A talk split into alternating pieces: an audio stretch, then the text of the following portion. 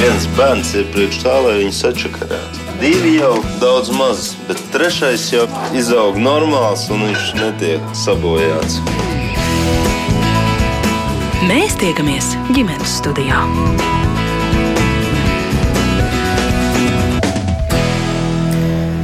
Labdien, priecājos sveicināt visus ģimenes studijas klausītājus. Mans vārds ir Agnēs Linka, un šī redzījuma producente ir Ilze Zvaigzne. Manā burbulī jau parādās dažas īslaicīgas emigrācijas vēsmas. Tie, kam rocība ļauj ar ģimenēm pārceļas padzīvot ārpus Latvijas. Saprotu un nenosodu īpaši tos, kam mazi bērni. Tā raksta kāda Twitter vietnes eh, lietotāja šais dienās. Patiesi, kopš pirms divām nedēļām sākās Krievijas iebrukums un karš Ukrainā, cilvēki šķiet pastiprināti apspriež, ko darītu tu, vai dotos prom, vai paliktu. Un gana daudz sociālos tīklos lasām diskusiju šķiet uzrāda, ka ģimenes ar maziem bērniem vai bērniem vispār bailes un nedrošību izjūta pastiprināti. Rindas uz dokumentu izgatavošanu vai atjaunošanu arī iestādēs eh, stiepjas aizvien garākas, un šķiet, ka daļa jaunu vecāku patiešām jau šobrīd plāno vai nu uz laiku, vai pavisam pamest Latviju. Kā tad gūt sirdsmieru, kaut kādu līdzsvaru domās un darbos, un kā palūkoties uz notiekošo racionāli un pieņemt sev un saviem bērniem labāko lēmumu? Par to šodien esam iecerējuši sarunu radījumā ģimenes studiju, un eh, tās dalībnieces ir Latvijas Universitātes asociētā profesora un sociāla antropoloģija Aivita Putniņa. Labdien! Labdien! Divu pirmsskolas eh, vecuma bērnu mamma, viņa arī eh, pedagoģa skolotāja Ance Jaks. Labdien! Labdien!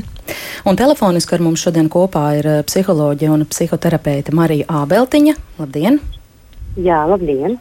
Un ģimenes studijā sveicinu arī aizsardzības ministrijas parlamentāro sekretāri Baibu Bļodnieci. Labdien! Labdien! Es piebildīšu, ka šodien, kā ierasts, mēs gaidīsim arī jūsu klausītāju komentārus, viedokļus, varbūt kādus jautājumus. Ja jums ir pārdomas vai kas sakāms mūsu šīs dienas redzījuma temata sakarā, droši dariet to, eh, sūtiet ziņas eh, mums Latvijas radio mājaslapā. Kopīgi centīsimies uz jautājumiem atbildēt un, un uz komentāriem reaģēt. Es šoreiz gribu vērsties ar eh, pirmo jautājumu pie Ances. Jūs pārstāvat ģimeni, jaunu ģimeni, kā es ievadā teicu, jums ir divi pirmsskolas vecuma bērni. Kā jūs šobrīd raugāties uz notiekošo un kā mm, izdodas vai neizdodas sakārtot savas eh, domas un plānus šajos apstākļos, Ance? Mm -hmm.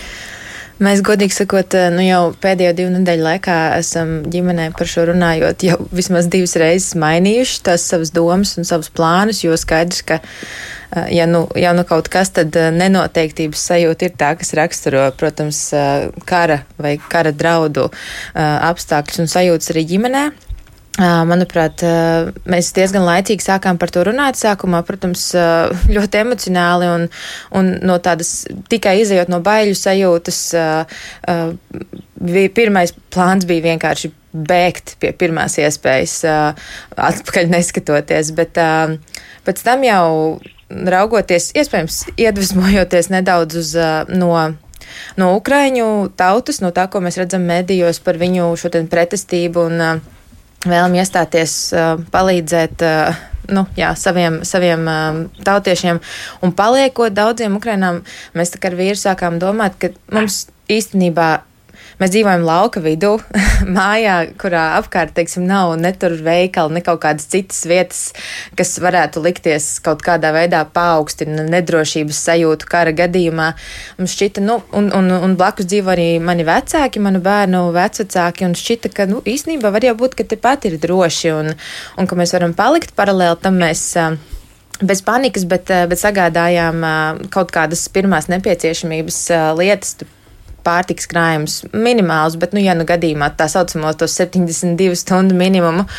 Um, runāju ar bērniem. Manai meitai seši gadi tikko palika ar viņus par šo tā neuzstājīgi, bet, bet runāju, lai izskaidrotu viņai situāciju lai paskaidrotu viņai to, kāpēc mēs mājās šobrīd varbūt pastiprinātāk sekojam līdz ziņām vai, vai varbūt ir saspringtākas sarunas. Bet galu galā mēs pēdējo nedēļu tas, pie kā mēs esam nonākuši, un manuprāt, nu jau salīdzinoši, man gribētu teikt, racionāli jau izsprieduši scenāriju, ka Nu, es to raugos tā, ka katrs bērns eh, nu, pa, pašā pamatā ir pelnījis trīs lietas. Viens ir vecākus, savus sev blakus, otrs ir uh, izglītība pieejama, un trešais ir drošības sajūta. Un, uh, un es uzskatu, ka mana kā mammas atbildība izvērtējot, protams, savas iespējas.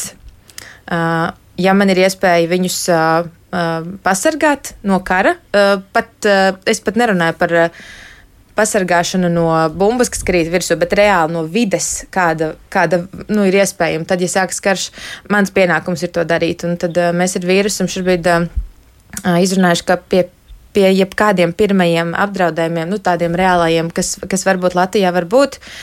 Pirmais ir, ka mēs vīrs, teiksim, tā mūsu nogādā drošībā. Mums ir draugi Eiropā, pie kā teorētiski mēs varētu braukt. Mēs gan apzināmies suvalku koridoru šaurumu un, un visus pārējos riskus. Bet, un, un es gribētu, ka mēs braucam visi četrtā un paliekam visi četrtā drošībā, bet, bet mans vīrs tiesa gan viņš ar vien vairāk uzskata, izjūt kaut kādu, varbūt, nezinu, patriotismu vai pienākumu sajūtu, ka viņš tad, kad ir mūsu nogādājis drošībā, ka viņam ir jābrauc teiksim, tā, parūpēties par to, lai mums ir kur atgriezties. Jo mēs noteikti šobrīd raugāmies to tā, ka, ja nedod Dievs, būtu situācija, kad ir jābēg, mēs uz to raudzītos kā uz pagaidu risinājumu. Nu, mēs tomēr redzam sevi ilgtermiņā Latvijā, ar, arī ar bērniem, bet, bet, bet primāri man ir svarīga viņu drošība. Mm jā, viņiem mm. iespējas izglītoties un, un teiksim, maksimāli netraumēties no, no tā, ko, ko izdara karš. Mm. Tad es pareizi dzirdu jūs teiktajā, ka jums eh, šo divu nedēļu laikā bija arī eh, tā stadija, tas punkts, kad jūs bijāt gatavi braukt tagad kaut kur, un tas ir eh, tagad mainījies. Jā, jā. Mm. šobrīd mēs gaidām, bet esam gatavi. Mm. Kāds noskaņojums jums apkārt esošajās ģimenēs, kādi vērojumi? Nu, jau ļoti līdzīgi. Ir, tas ir, es, cik es vēroju, tas ir ļoti atkarīgs no tā, kādas ir iespējas. Un šis ir vēl viens aspekts, svarīgi ir skaidrs, ka lielākajai daļai vecāku bērni ir viņa prioritāte, bet atšķirīgs ir šīs iespējas. Man ir draugi, kuri uh, dzīvo Rīgas centrā, kuriem, piemēram, nav sava automašīna. Viņi, viņ, viņiem līdz ar to ir. Nu, ir varbūt nedaudz cits, nu, citas tās iespējas reālās, kā rīkoties, tad ir jārīkojas ātri. Un, bet arī es, Instagramā man ir tāda, es gribētu teikt, uzticama, patīkama kopiena arī ar daudz mamām jaunām. Uh, īsi viņas aptaujāja nedēļu atpakaļ. Lielā, ļoti daudzas mammas teica, ka viņas steidzamības kārtā meklē kā šos dokumentus bērniem Jā. pasi vai ID kartes uztaisīt. Nu, tas nozīmē, ka um, vismaz cik es apkārt redzu, uh, ir, protams, joprojām arī ļoti uh, tādas nu, satrauktas un emocionālas uh, ģimenes par šo visu. Pilnīgi, pilnīgi saprotami, bet ļoti daudz tam mēģina pieiet racionāli, sagādāt dokumentus, sakrāmēt. Es, piemēram, regulāri mēģinu uzturēt arvien vairāk pievērš uzmanību, lai visu laiku ir tīras drēbes un sausas mājās pieejamas. Neļauj tur sakrāties kaut kādai drēbju kaudzē, nu, ja gadījumā viņas ir jākrāmē. Mm. Nu, tā. Aivita, gan Ancei klausoties, gan vispār uz apkārt notiekošo, lūkojoties, kā jūs vērojat un, un vērtējat sabiedrības noskaņojumu? Es domāju, ka Ants lieliski aprakstīja visu šīs stadijas. No sākuma bija panika un, un vēlēšanās ķert un grābt un kaut kur skriet, un, un tad cilvēks sāk pārdomāt. Un, un, un tagad jau droši vien ir skaidrs, es gan neesmu nekāds militārais eksperts, bet ka šī situācija ievilksies un, un ka iespējams tie riski ir pavisam citi, kas būs saistīti ar dzīves sadārdzināšanos, kas atkal ietekmēs tieši šo grupu, kur ir vecāki ar, ar maziem bērniem. Un, un, un līdz ar to nu, neviens īsti nevar paredzēt, kā tā situācija beigsies, bet katrā gadījumā nu, tagad ir gana droši, ka tas nav viss sprints, bet, bet tas būs tāds maratons. Un, un, un cilvēkiem nu, šī, šie plāni dod zinām drošību, un tas ir svarīgi, kā ģimenes pārunā par šīm lietām, un, un viņi izvēlas uh, rīkoties, un tad šī izvēle tad arī rada nu, tādu tīri subjektīvu drošības sajūtu, ka viņi būs gatavi šīm pārmaiņām. Um, vēl runājot par um, nu, to informatīvo atbalstu tieši šai mērķu grupai, um, es jau savulaik, redzēju aizsardzības ministru rādam, kā viņš pako savu somu, kurā viņš tur liek visas tās to, to ūdeni trīs dienām un pārtiku un, un guļamaisu, un es domāju, nu kā šito te viens pensionārs vispār var sakrāmēt un panest, un kur no ģimenes ar maziem bērniem. Ir svarīgi domāt par to, kādā veidā ar šo te mērķu grupu, kurā nu, nevar tā piecelties paņemt somu un, un kaut kur tagad iet. Mums ir. Vismaz puse populācijas, kura, kura nevar atļauties šādu veidu izēju. Tas nenozīmē, nu, ka cilvēkiem nevajadzētu gatavoties un, un domāt par to, kā varbūt šajā brīdī ir nepieciešams uh, uzkrāt resursus. Un, un tas ir domājot arī ilgtermiņā par to, ka ekonomiskā situācija noteikti pasliktināsies. Un, un, un ja arī nebūs kāda tieša kara darbība, tad tas karš mūs ietekmēs arī citos veidos, par ko varbūt cilvēki tagad uh, mazāk domā. Mm. Mums jau ir pirmie komentāri e-pastā, un divus no tiem nolasīšu. Kāds klausītājs, kurš nav parakstījies, mums uzreiz pārmet panikas celšanu un to, ka vispār 72 stundu gatavības likums un soma tiek pieminēta. Viņš raksta, ka ir pateikts, ka Latvijai nekas nedraud un mūsu sargā piektais pants. Savukārt Jānis raksta, ka viņš ir divu bērnu tēvs un arī ar sievu ir aizdomājušies par Latvijas pamešanas jautājumu, jo viņam šķiet patieši biedējošs fakts, ka kaimiņos ir šāda nedraudzīga valsts. Baiba, došu jums, kā aizsardzības ministrijas parlamentārai sekretārei, vārdu un um, gribu vaicāt, jā, ņemt ģimeni un braukt prom no Latvijas, vai uh, to šobrīd mm, tieši Krievijas agresijas un kara kontekstā var uzlūkot kā pamatotu rīcību, jo mēs domājam par ģimenēm ar maziem bērniem. Jā, nu es varbūt sākšu ar to, ka es droši vien šajā situācijā, uh, ņemot vērā vienlaicīgi, uh, nu, ka es strādāju aizsardzības ministrijā, parlamentārā sektora samatā un vienlaicīgi mums ģimenē arī aug četri bērni, es ļoti labi saprotu uh, tās, uh, nu, vecāku māmu uh, bāžas par to, kā, nu, kā, kā nodrošināt maksimālu drošību bērniem. Un, un līdz ar to es, es ļoti spēju tā empātiski dalīt šo sajūtu, un, un, jo, protams, ka dabiskā reakcija ir vēlme darīt jebko, lai šos riskus mazinātu. Tas, kas attiecās uz tādiem racionāliem pieminētiem argumentiem, es domāju, ka, protams, ka tā situācija šobrīd Latvijā no drošības viedokļa ir pilnībā nu, stabila. Mums nav pamata satraukumam, uh, ne, nu nekādā mērā. Viens ir tas, protams, ka mūs sargā NATO 5. pants, mūs sargā uh, NATO valsts, kas ir, ir uh, aizsardzības, NATO aizsardzības organizācija, kas, uh, kas nodrošina dalību valstīm pilnību, pilnīgu drošības garantiju. Mēs esam redzējuši arī, ka pēdējo nedēļu kontekstā šīs uh, Krievijas uh, karadarbības uh, rezultātā Ukrainā NATO ir arī iedarbinājuši papildus drošības garantijas, kas attiecās uz visām Baltijas valstīm un austrumu valstīm. Tāpēc satraukumā mums pamata nav. Uh, tas, protams, un, un, bet nu, vienlaicīgi, protams, ka mēs, mēs jau pirms diviem gadiem sākām šo kampaņu stāstot par to, kā rīkoties krīzes situācijā. Un tās krīzes patiesībā ir visdažādākās, sākot no ļoti lokālām, mazām, nu, kā tas var būt plūdi, kā tas var būt kaut kādi, nezinu, tur gāzes uh, vadus vai, vai gāzes katlu sprādzieni, nu, ko mēs arī redzam, ka citreiz kaut kur pasaulē vai arī pie mums notiek. Tās krīzes var būt ļoti lokāls, tāpēc tādām gatavībām krīzes situācijām patiesībā ir laba. Klausoties, ka cilvēki sakārto dokumentus, kas bija jāsakārto, man liekas, ka tas arī ir labi. Nu, tāda, uh, nu, protams, ka tās visas lietas dar, rada tādu drošības un noteiktības sajūtu. Bet vienlaicīgi tādā valstiskā līmenī satraukumam patiešām nav pamata. Un nu, nu, tā ļoti racionāli arī skatoties, mēs ļoti labi arī redzam šo patiesībā Krievijas, neskatoties uz to, ka uzbrukuma aizvien Ukrainai turpinās. Uh, Un kara darbība not, noturpinās, un mēs redzam, cik, cik, cik nežēlīgi un zvērīgi tas tiek īstenots uh, Ukrainā, kur cieši arī, protams, civiliedzīvotāji. Un, un šajā 21. gadsimtā mēs redzam ar video un tādām nu, ļoti dzīvi, redzam, ko nozīmē uh, karš un cik tas ir, ir šaušalīgi. Un, un, un vienlaicīgi, protams, ka mums ir, ir nu, jāsaprot, ka tas ka tas raisa kaut kādas to sajūtas un bāžas, bet satraukumam pie mums patiešām par to nav pamata, jo Krievija nevar arī fiziski vēl uzsākt tagad karu arī pret, pret uh, Baltijas valstīm. Tas vienkārši fiziski nav iespējams, un mēs redzam, ka viņi pat uh, Ukrainas uh, milzu pretestības priekšā patiesībā jau nekādus panākumus nav guvuši, nu, tas attiecībā no tāda racionālā vērtējuma. Tāpēc šobrīd pie mums satraukumam pamata nav, bet mēs esam jau teikuši, protams, ka Krievija ir mums kaimiņš. Viņi ir ļoti agresīvi valsts, viņi ir neprognozējami.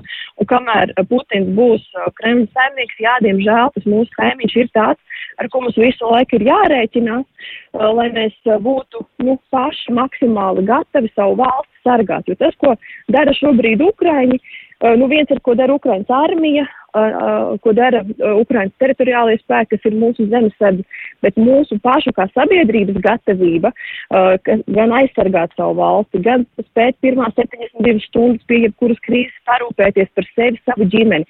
Taisnība parūpēties arī par vecāku gadagājumu cilvēkiem, kur iespējams paši nevarēs parūpēties. Nu, lai mēs gluži vienkārši zinātu, ko mēs darītu kaut kādas krīzes situācijā. Tas rada to papildus drošību, papildus sabiedrības noturību, un valsts aizsardzība sastāv no abām šīm lietām. Jā. Fiziskās spējas valsts aizsargāt un sabiedrības noturības. Tāpēc tās abas ir svarīgas. Jā.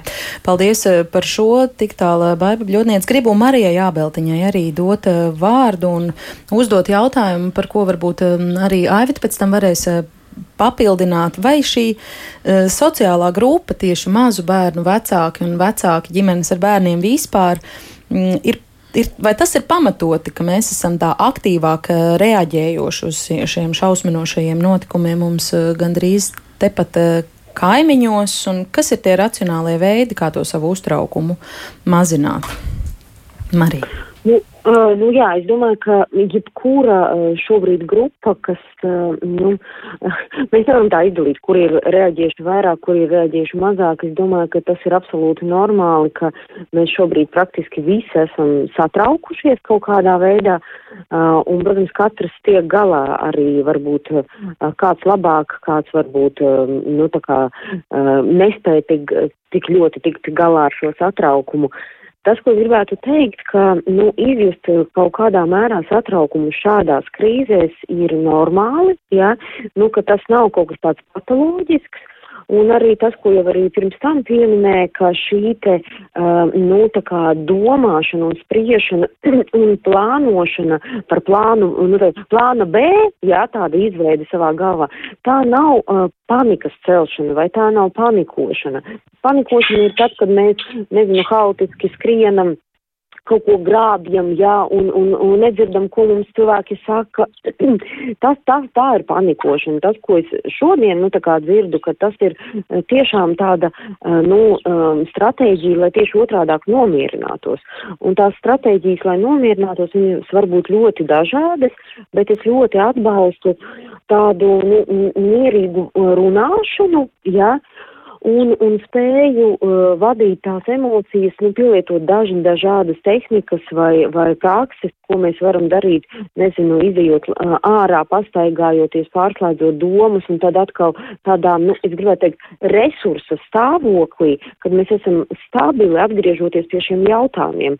Jo, protams, ka, ja mēs domājam par ģimenēm ar maziem bērniem, tad tas, kas ir svarīgi, ka tas pieaugušais, uh, nu, uh, priekš bērna ir stabils, jā, un, un skaidrojot lietas un runājot, uh, nu, tā kā bērns izjūt to drošības sajūtu, ka mums, kā pieaugušiem, sanāk, ka mums ir tā, tā, tā, tā lieta, kas mums jādara, ka mēs izgrieģējam savas emocijas, savas bailes, savu nedrošību, apjukumu ar citiem pieaugušajiem, jā, jo, nu, tā kā citi pieaugušie var mūs atbalstīt un saprast, bet, nu, tā kā mēs nepārliekam uz bērniem šo funkciju, tas, man liekas, ir būtiski. Pārējais viss, kas ir saistīts ar tādu izrunāšanos, tiešām to padomāšanu par somu vai vēl kaut kādām lietām, tas man šķiet ļoti, ļoti adekvāti. Jā, kāda klausītāja vai klausītājs mums raksta sākumā, protams, rodas trauksme, bet šobrīd krist panikā nav racionāli. Tomēr Latvijas dalība NATO ir ļoti svarīgs apstākļus. Arī šobrīd ir cilvēki, kas pērk joda tabletes, griķus, sāli, un arī Covid pandēmijas sākumā bija cilvēki, kas pārkrautiem iepirkumu groziem izpirka veikalus. Ja ir cilvēkam emocionāli tā ir vieglāk nosodīt, viņus nevar, tad arī, teiksim, es nezinu, biļešu gādāšanu uz kādām ārvalstīm šobrīd, ja tas notiek mierīgi un konstruktīvi un tagad un tūlīt, tad tā arī nav panikošana. Nu, droši vien, turklāt tagad tuvojas arī skolēnu brīvlaiks, kurā ģimenes jau tāpat droši vien ir plānojuši doties un arī dosies ārpus Latvijas, bet nu, to nevajadzētu interpretēt, ka tas ģimenes eh, kaut kur bēg. Un, eh, un manuprāt, tas divas nedēļas bijis pietiekami ilgs laiks, lai cilvēkiem būtu šie plāni un, un šo situāciju varētu paskatītos no malas racionālāk. Bet eh, es zinu, ka mēs šodien runājam par mazajiem bērniem, bet es domāju, ka varbūt īpaši risks puikas, bet tagad ir pusauģi. Un jaunieši, kur ir tajā vecumā, kurā puiši tur Ukraiņu un Krievu frontē karo, tie 18, 19 gadīgie. Un, un, un ar pusauģiem, man liekas, ir vēl, vēl problemātiskāk, tāpēc, ka mums Latvijā nu, tā, tā vecāku saikne ar bērniem daudzās ģimenēs ir diezgan vāja, un, un, un tad tur pusauģi noslēdzās, un, un, un, un viņus, ar viņiem pārunāt šīs lietas varbūt pat ir, nu, varbūt svarīgāk ar maziem bērniem, vieglāk izrunāt. Un, un Latvijā ir tā īpatnība, ka vecāki vieglāk spēj tikt galā ar mazajiem bērniem. Tad, kad viņi pieaug, sasniedz pusauģu vecumu, tad tāds lūzums, un tad kaut kā tā, tā komunikācija un attiecības pārtrūkst. Un, un tad šie um, jau, jau jaunieši droši vien ir vēl, vēl lielākā riskā. Mm -hmm.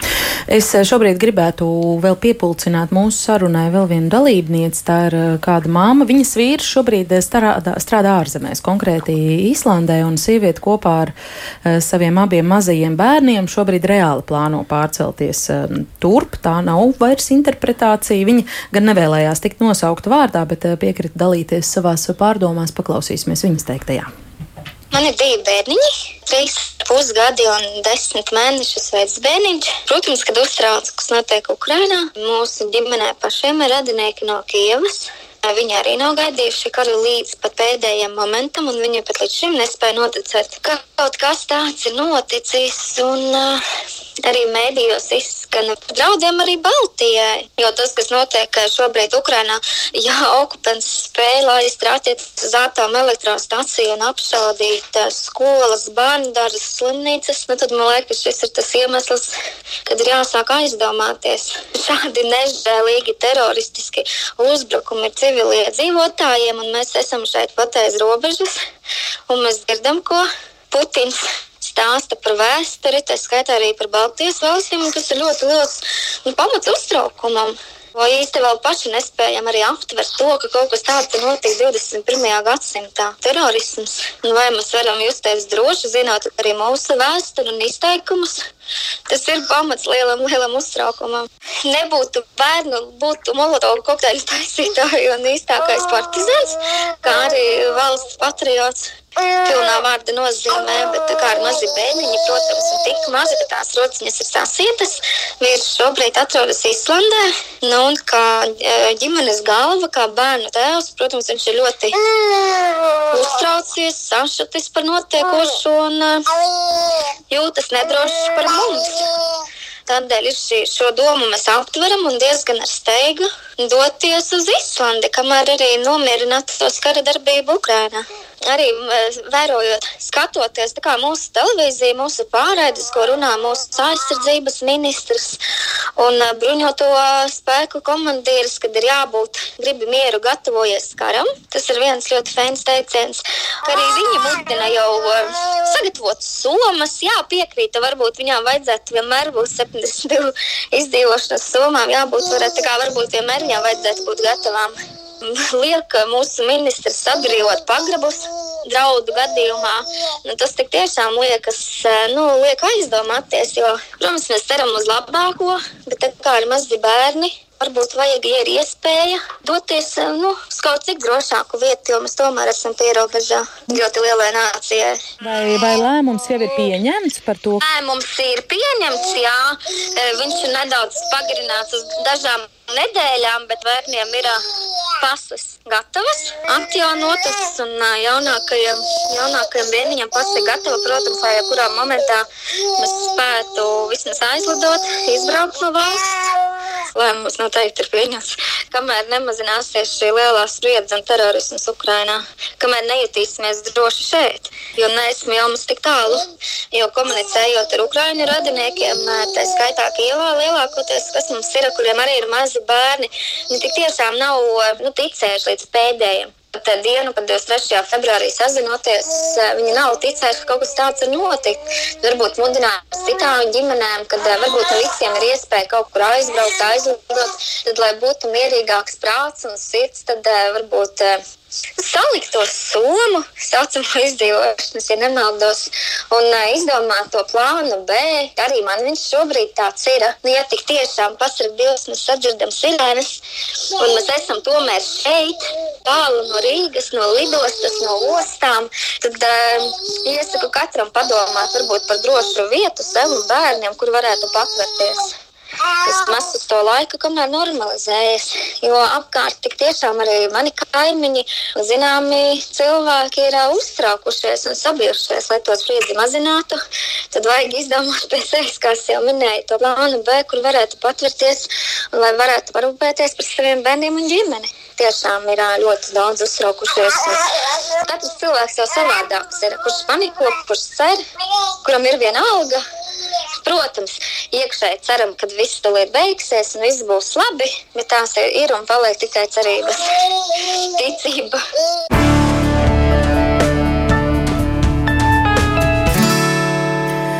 Atgādināšu, ka ģimenes studijā mēs šodien runājam par to, kā jūtas eh, ģimenes ar bērniem šī brīža apstākļos, notiekot karam Ukrainā. Mūsu sarunas dalībnieces ir Latvijas Universitātes asociētā profesora un sociāla antropoloģija Evita Putniņa, divu bērnu māma Ance Jaks, telefoniski ar mums kopā psihoterapeita Marija Ābeltiņa un aizsardzības ministrijas parlamentārā sekretāra Baiba Baļotniece. Baiba, jums arī pirmajai vaicāšu, ko jūs atbildētu vai ko jūs gribētu pateikt šai šai sievietei, kas nu pat runāja? Nu, es, es jau domāju, ka tā ir tā situācija, ko mēs jau pārnājām pirms tam. Protams, ka tajā brīdī, ja mamma sevišķi ir viena pati citā valstī ar maziem bērniem, nu tā, tās sajūtas ir saprotamas. Un, un, un līdz ar to es domāju, ka tas nav nekas dramatisks gribēt parūpēties par, par saviem bērniem un saprast, ka nu, tās, tas, tās bailes nu, visticamāk redzot to, kas notiek Ukrainā, nu nav jau arī tā, ka ir vienkārši iedomātas. Tas savukārt, protams, ka tas, kas attiecās uz racionālo, protams, ka nu, mums ir, mēs redzam, ka tas karš notiek jau otro nedēļu. Nu, un tā no nu, spriedze, protams, ir aizvien viņa turpinās tā kara darbība. Protams, mēs redzam, ka arī Vladimirs Putins izmanto katru iespēju, lai piedraudētu kādam, ne tikai Baltijas valstīm, arī Polijai, arī kopumā NATO, arī citām valstīm. Un skaidrs, ka, skaidrs, ka tā situācija tik ātri arī, nu, pavisam neatrisināsies, vēl jau vairāk jau arī pieminēja šos ekonomisko sankciju aspektus, un, protams, ka efekts būs arī uz mūsu sabiedrībām.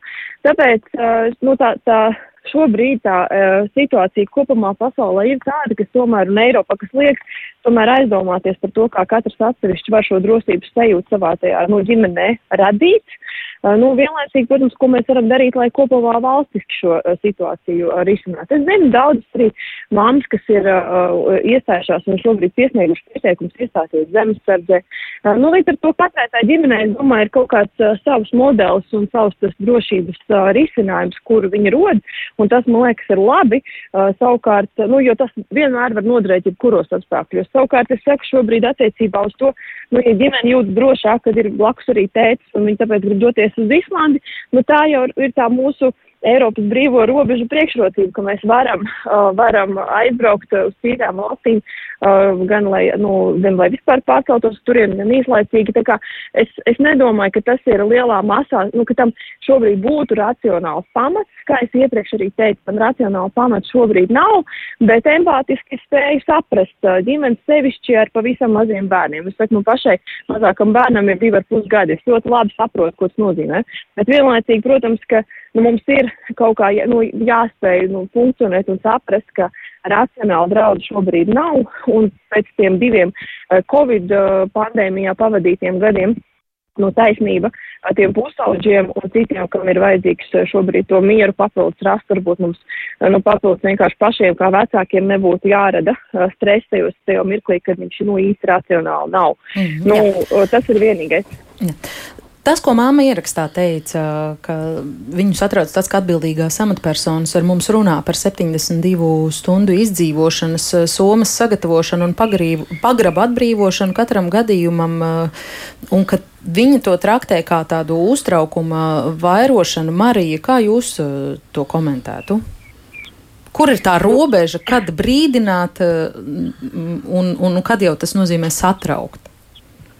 Nu, es domāju, ka brīdināt, nu, man liekas, jo vairāk tās informācijas un, nu, tā kā es domāju tādas, kas ir, nu, patiesa informācija, faktoloģiski, jo vairāk viņas tīra un jo pieejamāka, pieejamāka viņi ir, jo labāk. Un es domāju, ka šī 72 stundu summa vispār, ne, man liekas, viņi taču nav izstrādāts šobrīd, tas ir izstrādāts kādu laiku atpakaļ.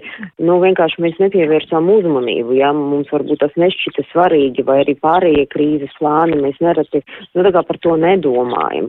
Eh, es drīzāk, nu, tā kā, ja skatās no tādas psiholoģijas viedokļa, tad jebkuru informāciju, pat ja, nu, viņi ir ārkārtīgi neitrāla, mēs tik un tā laižam caur savu tādu subjektīvo prizmu. Un šeit ir ļoti svarīgi atcerēties, ka mūsu arī tāds prāts, viņš nav tik ļoti racionāls, kā mums gribētos domāt, ja. Mūsu prātam ir noslieca domāt melnu vai balti, ja, tā kā, uh, un tādās, nu, kategorijās, jā, nē, labs, slikts. Un no vienas puses tas mums atvieglo dzīvi, bet no otras puses dažkārt mēs pazaudējam to, nu, situācijas sarežģītību, kas, kas, kas tur ir. Un nereti šis pie melnbaltā domāšana arī var novest pie tādas, nu, lietas kā katastrofizēšana, ja, ka mēs sākam domāt, ka viss ir slikti, viss ir briesmīgi, ja, un, un šis mūs tā kā papildus uzvelk, nu, kaut kādā ziņā Mums ir tas objektīvais jāspriež no tā, ka, no tā, kas šobrīd notiek pasaulē. Un tad, eh, ja mēs, nu, nepiesi, nepiesekojam tam, vai mūsu domas ir, nu, tādas, es gribētu teikt, tiešām sabalansētas un, un atbilst nu, tam, kas, kas šobrīd notiek, tad mēs varam vēl arī papildus sevi arī uzvilkt. Ja? Un, protams, ka mēs varam dažādi interpretēt, ko tas nozīmē. Ja mums to stāsta, ka ir draudi, bet tikpat labi tas nozīmē, ka nav draudi, ja? bet vienkārši uh, mums grib sniegt to informāciju, lai mēs, nu, tā kā tādā normālā demokrātiskajā valstī, nu, saprastu, kas, kas mums, da, ka, ka, kas var būt, kas nevar var būt, un ka tās ir tādas rūpes, ja, Mums ļoti jāatcerās, ka, nu, ka, tā, mm, ka dažkārt uh, mēs pieķeramies tikai vienai interpretācijai, bet nebūtu tā, varbūt nav tā patiesākā tajā mirklī, ja, ka mums ir uh, tāpēc svarīgi pārunāt ar citiem pieaugušiem cilvēkiem, kas ir mierīgi, nu, tā kā, kas, ko tas vēl varētu, no, ko tas vēl var nozīmēt, ja, un, un tā kā skatīties arī citos avotos, ja, jo savādāk, ja mēs pieķeramies tikai šai vienai idejai, ja, ka viss nozīmē tagad tagad draudus, jā, nu mēs nemitīgi atradīsim tam kaut kādus pierādījumus, kas realitātē nebūs pierādījumi, jā. Tāpēc es domāju, ka šeit arī tāda, nu, me mentālā higiena arī ir ļoti svarīga pie tādām stresa situācijām. Jā, droši vien jāsaprot arī, ka kaimiņu valsts viena no stratēģijām ir uh, vairot šīs bailes, kas šķiet daļā Jā. sabiedrības šobrīd ļoti uh, sekmīgi arī izdodas. Aivit par šo fenomenu mums tiek ieteikts sagatavoties, lai mazāk satraukumu, bet daļā satra sabiedrības tas satraukumu vairo šie ieteikumi. Nu, to Marija teica, nu, ja cilvēks ir satraucies, tad viņš arī interpretēs absolūti visus faktus, kas viņam nāk priekšā, nu, kā tādus mm. bīstamus un aizdomīgus. Bet, nu, es domāju, ka, nu, tagad ir bijis pietiekams laiks, lai, lai cilvēki varētu atrast veidus, kā viņi var nomierināties un, un apzināt resursus. Un, ja mēs atceramies nu, pavisam nesen, ka sākās šī Covid pandēmija, mēs bijām ļoti līdzīgā situācijā, arī tad cilvēks satraucās un domāja, kas nu tagad būs, un, un arī tika aicināts sagatavoties, sagatavot noteiktu veidu medikamentus, nu, tā lai gadījumā cilvēks saslimst, tad, lai pašiem būtu šī palīdzība pieejama. Un, un, un ar laiku mēs tagad esam to pieņēmuši un, un pat vairāk neustveram to kā kaut kādu risku vai, vai briesmas. Um, un, un līdzīgi droši vien uh, notiks arī ar šo konfliktu, bet uh, nu, tur droši vien ir arī tā otra bīstamība, mm. ka mēs pārāk pieradīsim pie, gan, gan pie tiem attēliem uh, ziņu lentēs un, un, un, un savā ziņā pat nu, notrulināsimies. Un, un, un tā būs droši vien nu, tāds nākamais vilnis, kur prot, pat jutīsimies vainīgi par to, ka mēs kaut ko nevaram darīt. Bet, bet ja cilvēki šo satraukumu, kā Marija teica, var tiešām runājot, mazināt, ir cilvēki, kas nodarbojas ar palīdzības organizēšanu, paši palīdz, un, un šī sanākšana kopā, būšana kopā. Um, ka ģimenes apspriež ne tikai kā viņas glābsies, bet arī kā viņas varētu palīdzēt uh, Ukrainas cilvēkiem.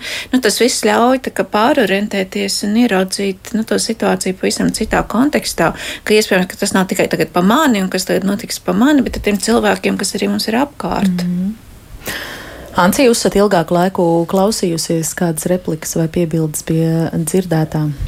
Um, es aizdomājos par to, um, par ko tika runāts, uh, par to, kas palīdz nomierināties un, un to satraukumu mazināt, lai, lai spētu vairāk racionalizēt. Un, uh, man pavisam noteikti viena no lietām, uh, kas, kas ārkārtīgi palīdz pašai justies labāk un arī justies tā, ka es kaut ko kontrolēju, ir, ir, ir palīdzēšana tiem, kam, kam tā palīdzība ir nepieciešama. Man tiešām ārkārtīgi, nu, es, gandarījums noteikti nav īstais vārds, bet, teiksim tā, rodās nedaudz tāds lielāks miers. Es tikko tieši stāsts varbūt ļoti personīgs, bet svētdien ar, ar mazo dēliņu sanāca uz vienu dienu atrasties slimnīcā un sēdēju blakus viņa gultiņai, kamēr viņš atlapsta. Un, un burtiski tieši tajā brīdī ar mani sazinājās viena ukrāņu ģimene, kas nākamajā naktī plāno iebraukt, jo esmu pieteikusies tur, kur visur var pieteikties, lai ar mani sazinās un mēģināšu palīdzēt, kā var. Un, un, un cik tas bija labi, ka es tur pat it kā nu, personīgi tādā nu, nedaudz satraucošā situācijā, cik patīkami bija samobilizēties, sazināties uzreiz ar saviem mājiniekiem, sa, lai, lai savāktu, teiksim, šai Ukraiņu ģimenei, kas atbrauc nepiet, tur tieši kā reiz bija mazai meitenītei jāsagādā pirmās tur pavasara, pirmās nepieciešamības, tur drēbītas un tā tālāk, un, un tā ir ļoti spēcinoša sajūta, ka eh, gan, gan, gan kā man mamma un vecmāmiņa vienmēr teikušas, dod dieviņu otram, dot ne no otra mīļa ņemt. Un, un tā ir tā sajūta, kuru, ja es spēju sevi uh, viņu kā, sajust un, un ieņem, dabūt priekš, priekš sevis, tad man tas noteikti rada drošības sajūtu. Un, un, un, uh, un, un tāpēc arī es un ļoti daudz, principā visi šobrīd, ko es apkārt palīdzu, uh, ko, kas man apkārt ir, visi cenšas kaut kādus uh, veidus atrast, kā citiem palīdzēt, un tas visus mūs, manuprāt, spēcina. Mm -hmm.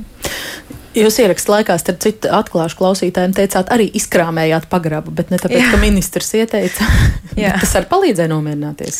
Tā bija daļa no tās uh, samobilizēšanās otrās mm. fāzes, kad mēs uh, iepirkām dažas uh, lietas, kas mājās trūka, rūdziņraža pārskaibu un atbrīvojām vietu. Jo, jo viena brīdi jau īstenībā arī tika runāts par uh, šiem ten uh, kodolkara draudiem, kas, ka, kas arī, nu, par to mēs tur, un tas bija iemesls, kāpēc mēs tā nodomājam, nu, ja mums būtu jāslēpj, tad laikam jā, tad mēs tur pagrabā izkrām, pakrāmējām malā abolu sulu uh, uh, pakas un kartupeļu maisas un, un tur izbrīvējām vietiņu, kas vienkārši tur šobrīd stāv un, ja kas vasarā cerams iesim tur, uh, nezinu, piknikot, riteņus mhm. bērniem salikt. Mm -hmm. Klausītāju komentāri diezgan biezā slānī ir mūsu pasta kastē. Ir arī daži jautājumi. Vienu adresēšu Baibai Aigi jautā, ko sagrupēt, eh, sarūpēt 72 stundu somā tieši ģimenei ar diviem maziem bērniem. Vai ir kaut kādi akcenti, jo mums ir, kā zināms, arī eh, radio bijuši veseli raidījumi veltīti tikai tam, kam ir jābūt šajā 72 stundu somā. Tad šajā gadījumā ir akcents ģimene ar maziem bērniem. Kam tur būtu jābūt baigām?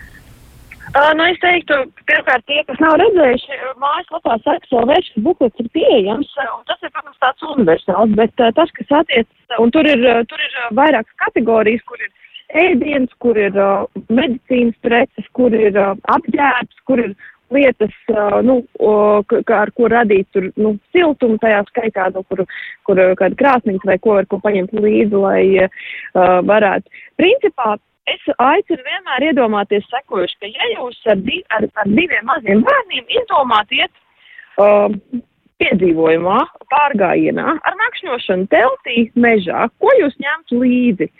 Kas ir tās lietas, kas jums ģimenē būtu vajadzīgas? Jo tāpēc, ka tās ir individuāls, vai ir kāds atsevišķs ēdienu, ko, ko mazi ēd, vai kas ir viņiem nepieciešams, vai tur ir vajadzīgs, nezinu, pamperi, vai nu kā, kā nu kuram, kas ir vajadzīgs. Bet vislabāk un visvieglāk to ir vizualizēt, iedomājieties, ka jūs ejat ģimenes pārgājienā, un jums ir paredzēts piedzīvojums ar nakšņošanu mežā. Un tas, man liekas, ļauj vieglāk saprast, gan cik jūs spējat panest, jo, protams, ka vai nu tur tētim, vai mammai un abiem diviem tas ir jāvar panest, tas nevar būt veseli tur liels visi iedzīvi. Bet vienlaicīgi jums ir vajadzīgs viss, lai nodrošinātu siltumu, ēdienu un, un individuālas vajadzības, kas jums nu, kar, katram ir. Tāpēc tas nav obligāti jāpārvērš par tādu trauksmi. To var uztaisīt arī iedomājoties, iedomājoties pat patiesībā, nu, tuvojas pavasars, vasara, to var noteikti pamēģināt arī realizēt galu galā. Un, un tad arī vislabāk, man liekas, ka var arī tā iztēloties un saprast, kas jums ģimenei jūsu tieši būtu vajadzīgs. Jā, paldies par šo. Nolasīšu vēl kādus klausītāju komentārus. Zana raksta, esam ģimenē vienojušies, ka militāra konflikta gadījumā es ar visiem četriem bērniem dotos prom no valsts, tomēr tas rada vairākas problēmas. Pirmkārt, bērni satraucas, ko darīs tētis un kas notiks, ja viņš ies karot. Esam to pārunājuši, norādot, ka satraukumam tagad nav nekāda pamata. Vienlaikus aicinājām viņus uzdot šādus jautājumus, ko viņiem šķiet ir pat baili jautāt. Otrakārt, būtiska problēma būtu vecvecāki, kuri saka, ka viņi nedosies nekur, tad kā lai sarauj sevi uz pusēm, es nevarētu mierīgi dzīvot, zinot, ka vecvecāki ir palikuši apdraudēti vieni un neaizsargāti, kā lai pārliecina seniorus, vaicā Zane.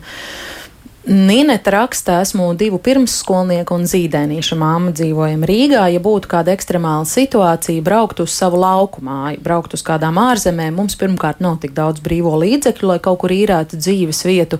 Rādu draugu ārzemēs nav, pašlaik mēs jūtamies droši, un vēl kāda māmiņa parakstījusies no laukiem, iesaku apdomāt par to, ka Eiropa nevar būt gara, gala punkts kara gadījumā. Mēs esam visi vienā katlā, ierodoties svešā zemē būs nepieciešams atrast darbu, iztiks nodrošināšanai nauda kara laikā vienkārši vairs nederēs, jābūt ir eh, apzinātiem. Šī stratēģija gatavoties eh, tam ļaunākajam, pat cerot, ka tas ar tevi nenotiks. Marija, kā jūs uz to raugāties? Nu, es domāju, ka šī šobrīd ir nu, diezgan tāda saprotama un pamatota eh, stratēģija. Un arī man ļoti patika tas komentārs, kas bija par to, ka nu, vecāki mudina uzdot jautājumu. Šis man šita ļoti tāda būtiska nianse, ja, ka, nu, nereti mēs varbūt gaidam, ka, ka, ka bērni paši runās, jā, bet mēs jau varam viņus uzrunāt, ja mēs redzam kaut kādas izmaiņas viņu uzvedībā, jā, vai, vai viņi staigā ar to uh, domīgi, jā, un, un tādu varbūt nomākt. Man šķiet, ka šis, šis ļoti labi tā kā ieskanējās, un es zinu, ka uh, mums ir divi uh, tādi centri, uh, pusauģu resursu centrs un pusauģu un jauniešu psihoterapijas centrs, viņi ir sagatavojuši arī tādus bukletus, kur, kur tieši par vecumu grupām ir rakstīts, kā labāk ar bērniem runāt, kā, ievi, nu, kā to drošības sajūtu iedot. Man kā šī, šī ir arī tāda ļoti nu, laba nianse, ko, ko, ko klausītāju uh, aprakstīja. Ilze raksta, pirmajās dienās valdīja pamatīgs satraukums un bērniem bija daudz jautājumu. Tomēr, jo mazāks bērns, jo mazāk jautājumu. Vecākiem bērniem ir jautājumi, kas saistīti ar viņu bailēm, un dažkārt ir sajūta, ka viņi baidās tos uzdot, jo varbūt uzdodot jautājumus, tas arī piepildīsies. Mēs esam pārunājuši dažādus risinājumus un dažādus rīcības eh, plānus. Tas ir skaidrs. Vienlaikus esam īpaši uzsvēruši, ka nekādā gadījumā nedrīkst naidoties ar klases biedriem, kuri ir krievi. Viņi gan norādīja, ka par to nav pat domājuši. Tādēļ rodas bažas, vai paši nesam viņiem prātā iesējuši domas, kuru pirms tam vispār nav bijis. Proti, ka varētu pastāvēt kaut kāds naids, kas balstīts uz tautību.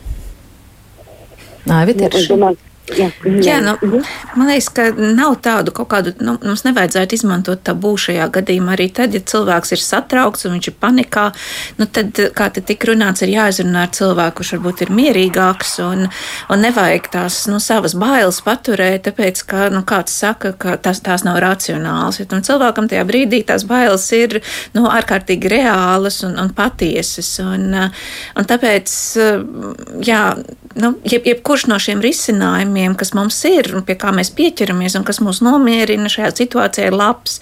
Vienalga, vai, vai, vai tie ir cilvēki, kuri nevar nomierināties, un tad izbraukšana no valsts ir tas risinājums, kas viņiem ir pieejams, un, jā, un, un mēģināt viens otru nenosodīt. Un droši vien vis, visgrūtāk ir nu, ar tiem jā, tuvajiem cilvēkiem, kuriem ir citādāks viedoklis, un, un tur tās sašķelšanās, ko mēs jau redzējām arī nu, Covid un vakcinācijas gadījumā, nu, ka šis risks pastāv jau, jau arī tagad. Un, un, um, es arī zinu, kur ir, kur ir jaunieši, kuri mm, tiksim, nu, atbalsta pašu nu, Putinu. Tie nav tikai veci cilvēki. Un, un te ir ārkārtīgi svarīgi saglabāt tās runāšanās spējas, un es domāju, ka mums sabiedrībā nu, kaut kā izstrādājās jau nu, tādas zināmas sarunāšanās kodeks vakcinācijas jautājumā. Nu, kā cilvēki apgāja šo jautājumu, lai nesarauc saites, jo no sākuma tas bija nu, tāds pilnīgs sprādziens, un, un, un, un viens ar otru vairāk nerunāja, un tad ar laiku nu, tā situācija normalizējās, mēs iemācījāmies, nu, kā mēs varam arī runāt ar cilvēku, kuram ir pretēji uzskati, un te arī šīs te pārliecināšanas stratēģijas, nu, tās arī ir sociālos tīklos atrodamas, nu, kādā veidā mēs arī varam runāt, ja, tiksim, mūsu kādi draugi vai, vai paziņas vai radinieki pieturas pie citiem uzskatiem, un tas ir viens no veidiem, kā arī mēs varam palīdzēt, sniedzot šo informāciju. Mm -hmm. Anci, jūs mājāt ar galvu, tad, kad es lasīju komentāru, kurā kāda klausītāja rakstīja, ka viņai neizdodas pārliecināt pie nepieciešamības uh, vecākus un vecvecākus, ka jūs dosieties mums līdzi, ja būs tāda vajadzība. Jā, es. Uh... Man, mums ir, man ģimenē ir mani vecāki, manas vecmāmiņas, un, un viņi visi paliek, lai, lai tur vai kas. Uh, bet, uh, bet, uh, bet mēs, tāpēc mēs par šo, teiksim tā, mēs par visu šo nerunājām pirmajās dienās vispār, tāpēc, mēs zinājām, ka tas būs emocionāli un, un, un lielāks, lielāka iespēja nesaprast vienam otru. Bet tad, kad mēs par to sākām runāt un šo, pie šī plāna nonācām, mēs pilnībā izsvērām visus resursus, tie, kas ir tādi, teiksim, spēka gados manā ģimenē, arī māsa, piemēram, ar savu draugu, viņi, mēs zinām, ka viņi paliek, viņi, viņi parūp būs, kas parūpēs par arī par manām vecmāmiņām. Uh, un, un, un, un, manuprāt, tā nav lieta, par ko mums vienam otru ir jāpārliecina. Mēs katrs zinām, un, un, manuprāt, to visi saprot, ka mazu bērnu uh, vecākiem uh, ir citi apstākļi un cits, cita atbildība nekā, nekā ir, nezinu, jauniešiem bez uh, bērniem vai, vai tieši otrādāk ģimenēm, kur jau ir izauguši bērni. Nu, katram cita situācija. Un pēdējais, ko mums vajag šobrīd, ir par kaut ko strīdēties, vienam otru pārliecināt par savu taisnību. Lieki, manuprāt. Mm. Jā, kāds eh, klausītājs parakstījis, kā cilvēks dabā raksta mums, mani miera vēstneši ir putni un dzīvnieki. Paskatieties laukā, cik daudz putnu atlaidušies un dzieda atomkara draudu laikā. Putni būtu devušies projām, jo Černobiļā jau pirms avārijas dzīvnieki pameta šo vietu. Vai tas nebūtu skaisti, ja uz šo varētu paļauties? Jā, un tad uh, nolasīšu arī Jāņa komentāru. Viņš raksta, ka sācis klausīties mūsu raidījumu tajā brīdī, kad runāja nobijusies sieviete, kuras šķita pilnīgā panikā. Viņš raksta, ka viņš ir četru mazbērnu vectētiņš, ir pilnīgi nesaprotami, kāpēc bailes un uztraukums. Latvija tieši šobrīd, kad pasaulē ir atvērušās acis uz to, kas ir Putins, tieši tagad mēs varam justies drošāk nekā jebkad agrāk. Mēs esam pasargāti, un jebkura panika un bailes Latvijā kalpo tikai putinīstiem. Tieši viņiem ir vajadzīgs vajadzīgs, lai te Baltijā mēs baidītos, zaķpastelīga mukšana no Latvijas bez jebkāda racionāla pamata, panika un bailes. Tā ir tieši tāda rīcība, kas patiktu putinistiem un nedomāju, ka tas ir patriotisms. Mūsu miers un stipra nervi ir tas, kas kalpo Latvijai un kaitē Putinam. Nevis bēgšana tad, kad neviens mums, paldies Dievam, vēl neuzbrūk, tā raksta Jānis, un viņš vēl arī mm, piebilst, ka ja nu mēs tomēr pieļaujam, ka zināmi drošības draudi valstī pastāv, tad arī publiska panikas celšana kalpo tikai potenciālajam uh, agresoram. Baiba vai par šo vēl var būt kas piebilstams? Oi, nu es, es patiesībā tā ir sadaļai racionālai sadaļai par to, ka projekta celšana, kurā gadījumā, protams, ir viens no tiem veidiem, kuru mēs redzam arī, ka uh, Kremlis un tieši Putins izmanto, uh, tā skaitā Ukrainas sabiedrībā. Tā kā tā ir pilnīgi taisnība. Jebkura panika ir slikta sabiedrībā tā iemesla un, un pilnīgi taisnība, ka tas uh, noteikti uh, būtu uh, Putina un Kremļa interesēs uh, šobrīd uh, šādu paniku šeit raisīt, lai arī tā skaitā sabiedrības čeltu. Uh, tas līdz ar to Mums savukārt, ja mēs gribam tiešām izdarīt labu, ir pēc iespējas vairāk uh, jāsaliedējas un jāsaprot, ka tie cilvēki, kas ir šeit, neatkarīgi no tautības, neatkarīgi no viedokļu dažādības, nu, ka tie ir mūsu cilvēki un ka nav mums uh, ienaidnieki šeit, ienaidnieks mums ir šobrīd jāaiz robežas, agresīvs, neprognozējams un tam līdzīgi, bet tā otra sadaļa, kas attiecas uz pieminētajiem drošības garantijām, protams, ka šobrīd pēdējo, pēdējo nedēļu laikā nu, ir būtiski augusi izpratne par to, kas ir Vladimirs Putins. Es domāju, 24. Uh, februārī daudz pamodās ar apziņu, tā skaitā Eiropas politiskie līderi, kas nu, ir atzinuši arī, ka viņi bija pietiekami izvērtējuši šo nu, risku un neapzinājušies, to, ko visu laiku Baltijas valsts bija mudinājušas. Līdz ar to jau šajās nedēļās ir būtiski soļi spērti, tā skaitā mums varam pieminētais Vācijas lēmums diviem procentiem palielināt uh, finansējumu aizsardzībai, nu, kas ir milzīgi, uh, ir milzīgs solis pirms, uh, pirms mēneša vēl neko neviens tam līdzīgi iedomāties nevarēja. Tāpēc patiesībā tā, un vienlaiks arī, protams, NATO apzinās, kad ka nu, tā mūsu baža par Krieviju nav izdomāta, un tāpēc arī vēl īpaši papildus uzmanību mums pievērš, lai jeb, jebkura draudu gadījumā nu, tad spētu arī ātri un efektīvi reaģēt, lai nu, Baltijas valsts aizstāvētu.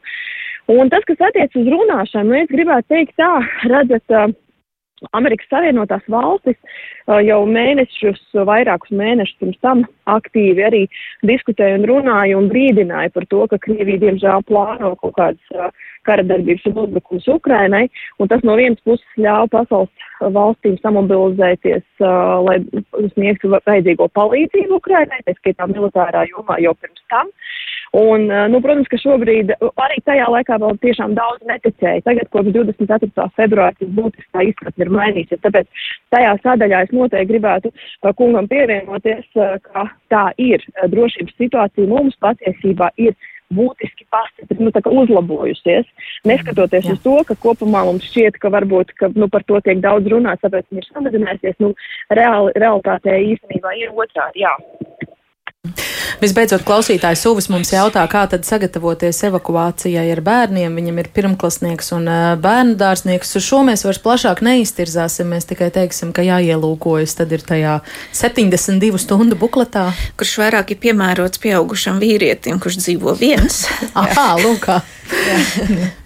nu, jā, tad, uh... Tā ir domāta kā tāda zelta rokas grāmata, pēc kā vadīties. Tāpēc es saku, viņi ir ļoti individualizējami atkarībā no katra individuālām vajadzībām. Šis ir tāds priekšraksts, kuriem ir vērts iziet cauri, bet tiešām viņu individu, individu, nu, individualizēt. Viņš nav domāts kā derīgs visiem, visām vajadzībām. Tas ir dāmas, kurā par kuru, par kuru eh, katra ģimene, katrs cilvēks var saprast, eh, nu, kas būtu vismaz prātā izējams cauri, vai jūs esat eh, līdz tam aizdomājies. Anta bija pēdējais vārds kāds. Jā, es, es gribēju teikt, ka es, mēs savā somā to, kas nebija nevienā video pamācībā, ielikām arī krāsojumās grāmatas un uh, suliņas bērnu, tās mazās ar salmiņu, tāpēc, ka, nu, bērniem to vajag vairāk nekā, nezinu, septiņas marlas uh, roļas ielikt līdzi. Ne, galvenais, lai neizmirkstošas, ūdens izturīgas krāsojumās grāmatas. Jā. Jā. Piedodiet par joku nopietnas sarunas beigās. Paldies eh, par šo viesošanos ģimenes studijā. Es šodien saku Aivitai Putniņai, Ancei Jaks, Marijai Jābeltiņai un eh, Baibai Bļodniecei par eh, redzījumu tapšanu. Šodien gādāja arī Ilza Zvaigzne, Ivets Zvejniec un es Agnese Linka rīt ģimenes studijā īpašs raidījums mums sagatavots. Un vienā apvienots divu ģimeņu stāsts Līze Rubane un Ņina Jakovenko. Abas ir Latvijā dzimušas ukrainietes, kas šeit mācījušās pēcāk arī studējušas Kijavā un palikušas uz dzīvi tur Ukrainā. Tur arī apprecējušās, izveidojušas ģimeni, bet sākoties karam, protams, viņām nācies bēgt, un šobrīd viņas ar savām ģimenēm un bērniem ir Rīgā un mēģina saprast, kā veidot savu dzīvi te. Sarunu ar viņām par to ģimenes studijā klausieties rīt, klausieties mūsu arī podkāstos un sekojiet sociālos tīklos. Vislabāk!